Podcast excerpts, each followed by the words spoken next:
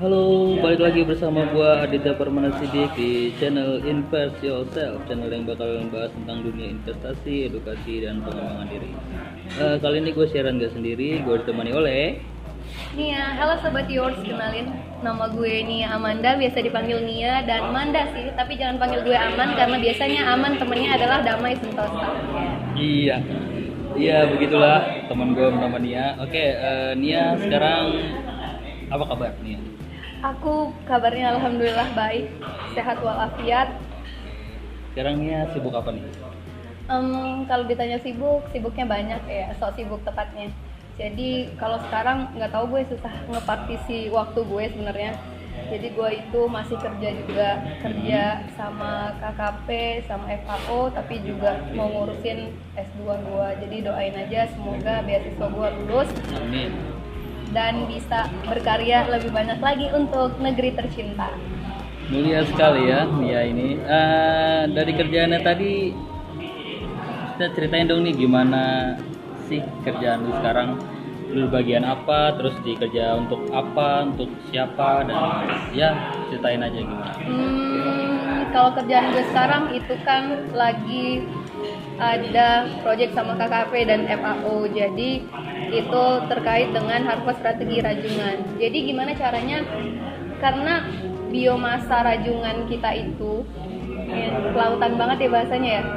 Eh, biomasa atau stok rajungan di alam itu kan semakin lama semakin sedikit apalagi kalau terjadi overfishing jadi kita itu buat yang namanya strategi pemanfaatan rajungan supaya ketika stoknya berada di limit atau bawah eh, sehingga kita bisa melakukan apa ya namanya pengkayaan kembali gitu sehingga stoknya ada.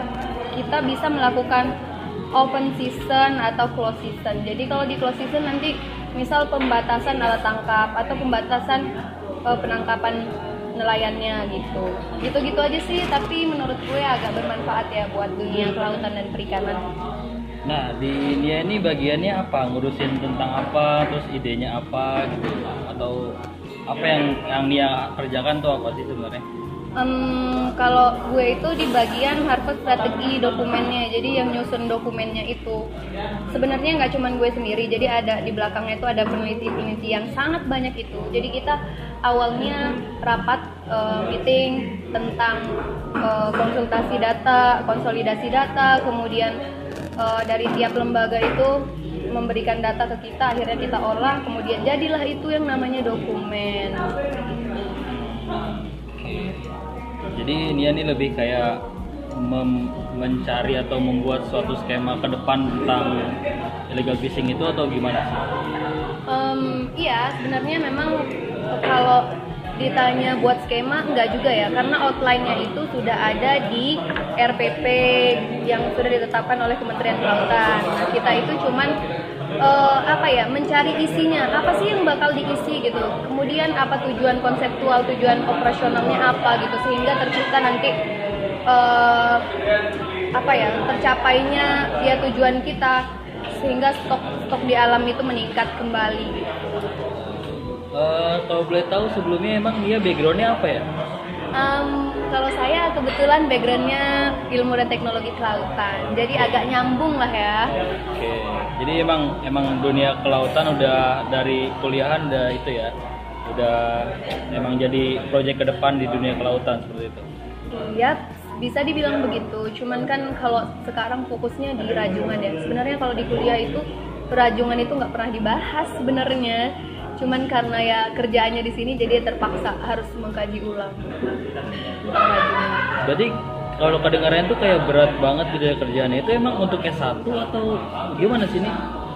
Sebenarnya itu em, kemarin itu Pak Lukman namanya dari FAO. Beliau itu punya orang katanya anak S3, tapi ternyata eh, jadi gue punya dosen gitu yang emang dosennya itu keren banget gitu kan. Pak Hawis namanya. Jadi beliau itu masukin gue ke tim HS Rajungan ini gitu. Meskipun gue backgroundnya cuman S1 dan di situ gue harus kerja keras parah. Eh, baca materi itu banyak banget dikasih pertama itu ya fisheries Queensland lah karena memang di Australia yang pertama kali nerapin harvest strategi gitu jadi ya gitulah ya tahu sendiri kan kalau gue eh, itu baca materinya itu bahasa Inggris semua padahal kan bahasa Inggris gue nggak bagus-bagus amat Berarti Nia ini udah hebat ya. Maksudnya dari S3, maksudnya itu kan untuk S3, terus Nia ngambil peran itu. Terus, nah ceritain dong gimana sih caranya biar biar ya, biar kayak Nia gitu, biar masuk dapat kayak Nia gitu. Gimana cara? Apakah kita harus harus punya link atau bisa buka website di mana atau ya gimana cara bisa cara kerja biar kerja di situ? Em, kalau dibilang hebat sih enggak ya gue juga remah rengkinang sumpah jadi tuh orang yang penting kalau ada atasan gue namanya Mbak Tita dia tuh dari Sustainable Partnership dan beliau itu selalu bilang nggak apa-apa katanya kita tuh dari awal nggak tahu asalkan mau belajar gitu jadi gue selalu disupport sama supporting system yang luar biasa gitu sehingga gue mampu bertahan yang penting mau belajar ya. Iya. Dan gimana caranya bisa masuk di proyek-proyek begitu? Ya itu tadi. Eh, kalau gua adalah orang yang sangat menjunjung tinggi relasi. Jadi em, sebisa mungkin perbanyak relasi dari sekarang. Karena nanti kita ketemu orang tuh pasti sudah ditakdirkan oleh Tuhan dia akan bermanfaat untuk kita asalkan kita juga untuk ber- bermanfaat untuk dia gitu jadi pasti ada timbal balik di antara keduanya gitu yang penting niat kita lurus Oke, jadi tadi maksudnya yang penting banyak relasi, terus mau belajar, dan niatnya yang lurus gitu ya nih ya. Yap, betul sekali. Oke, nah selain dari kelautan ada nggak sih jurusan-jurusan lain yang bisa masuk situ? Em, kalau di proyek ini sih nggak ada ya, nggak ada selain ada. eh, cuman kalau di mungkin ke KKP-nya kali ya. Kalau di KKP mah banyak, ada yang statistika, ada yang ilmu komputer, kan memang harus diisi oleh beberapa orang yang memang ahli di bidangnya gitu. Oke. Nah ini kan ya ibaratnya eh, organisasinya internasional nih FAO kan terus kerjanya di KKP itu kayak udah satu satu racikan yang pas banget gitu udah sempurna banget gitu sebenarnya gimana sih nih kerja di lingkup kementerian yang anak kelautan tuh pengen banget masuk ke sana gitu Em, ya sebenarnya ngeri-ngeri sedap sih asik. Gimana ya?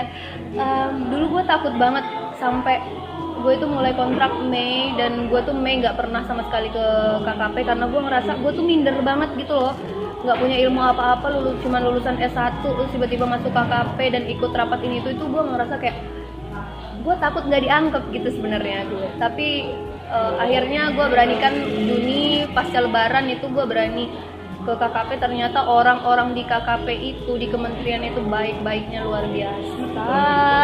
Mereka itu apa ya nggak mandang sebelah mata meskipun kita cuma lulusan S1 gitu jadi mereka zaman kerjanya sedikit eh, asalkan mau belajar mereka tuh pasti mau menuntun kita gitu. Apalagi memang kalau di KKP itu kebanyakan eh, memang alumni FPIPB jadi apa ya rasa-rasa kealumniannya itu ya ikatan sesama alumninya itu erat banget gitu. Relasi lah ya. Tadi balik ke poin tadi relasi lah ya. Bisa pokoknya dibilang. penting banget deh relasi itu guys. Eh, Oke, setelah menjalani kerjaannya nih, apa yang didapat sama Nia nih? Selain gaji yang lumayan besar, mana ada gajinya nggak nggak besar besar amat sih ya. Tapi alhamdulillah cukup loh ya yang penting cukup yang penting Cukup. cukup, bersyukur ya Syukur. bersyukur. Em, yang didapat tuh banyak sebenarnya apalagi relasi ya. Kalau di KKP itu em, relasinya banyak orang-orangnya kerennya banyak. Jadi kalau mau minta rekomendasi beasiswa gampang guys. Tenang aja.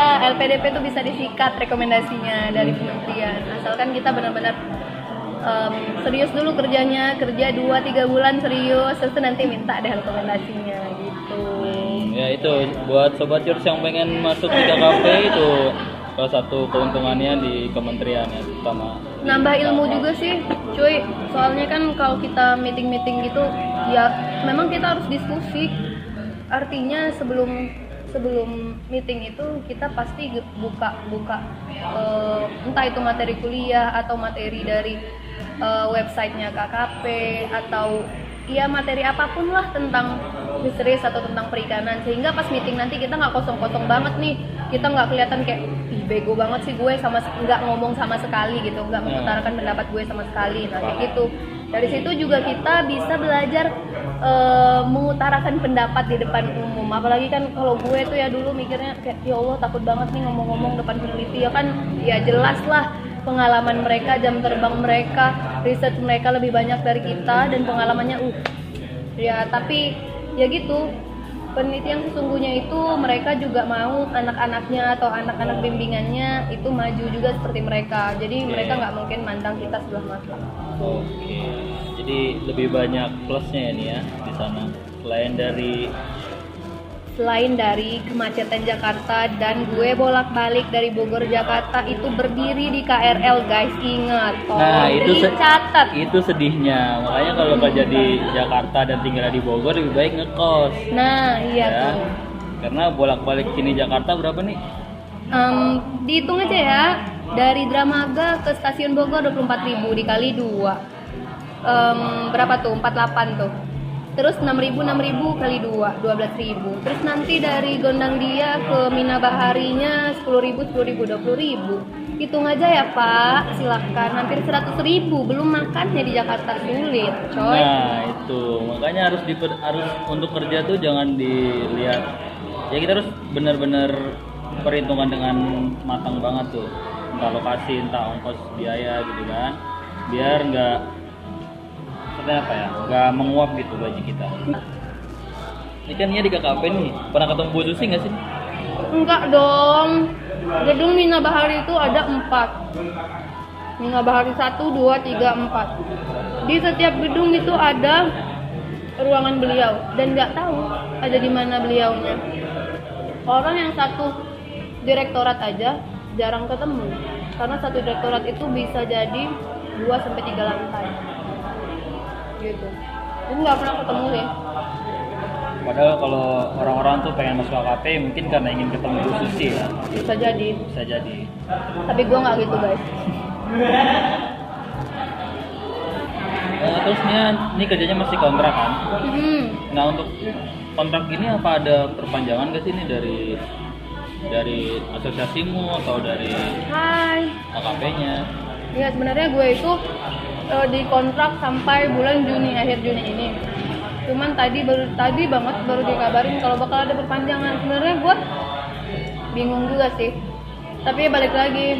Semoga ini menjadi yang terbaik. Jadi gue jadi diminta perpanjang dua bulan. Akhirnya gue mengiyakan. Ada tawaran jadi karyawan tetap gak sih kalau kayak gitu? Kan lu ibaratnya apa ya? Itu asosiasi, LSM atau emang perusahaan sih? Dari lu nya? Apa yang mana? Ya lu kan bekerja sama dengan KKP. Hmm, Nah maksudnya yang lu kerjasamain itu dia termasuk LSM kah? Atau apa kah? Wah, jadi project itu itu tuh bentuknya project. Gua itu di hire jadi tim project itu. Jadi gua bukan terikat dengan LSM ini atau NGO ini ataupun terikat dengan KKP sendiri. Cuman memang pembimbingnya adalah KKP gitu. Gitu. Nah, ngomongin rajungan ini emang ke depannya gimana nih rajungan Indonesia ini? Aduh, yang ya? yang udah lu planning banget gitu kan lu kan kerjanya planning untuk masa depan rajungan gimana masa depan rajungan ke depan Em, sejauh ini sih masih bagus ya masih bagus maksudnya em, tapi memang stoknya agak menipis sehingga karena stok menipis maka eh, Kementerian Kelautan Perikanan itu punya inisiasi nih. Gimana sih caranya ngatasin kalau stok menipis biar stoknya balik lagi gitu? Apakah open season atau close season kayak yang tadi gue bilang?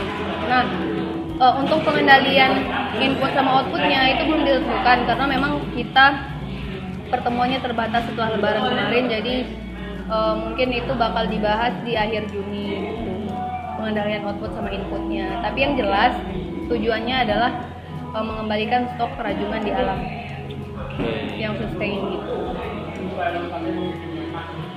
oke terima kasih Nia atas eh, cerita-ceritanya. Menarik banget nih kerjaannya Nia nih untuk membuat gimana rajungan itu sustainable. Di mana rajungan ini satu komoditi utama di Indonesia dan harganya lumayan mahal. Jadi eh, menarik banget kan kerjaan dari Nona Nia ini. Eh, oke mungkin segitu aja sobat Yours eh, podcast kita kali ini bersama Nia. Terima kasih Nia. Sama-sama, Sobat Yur. oke eh, Aditya Pramala Titik undur diri. See you soon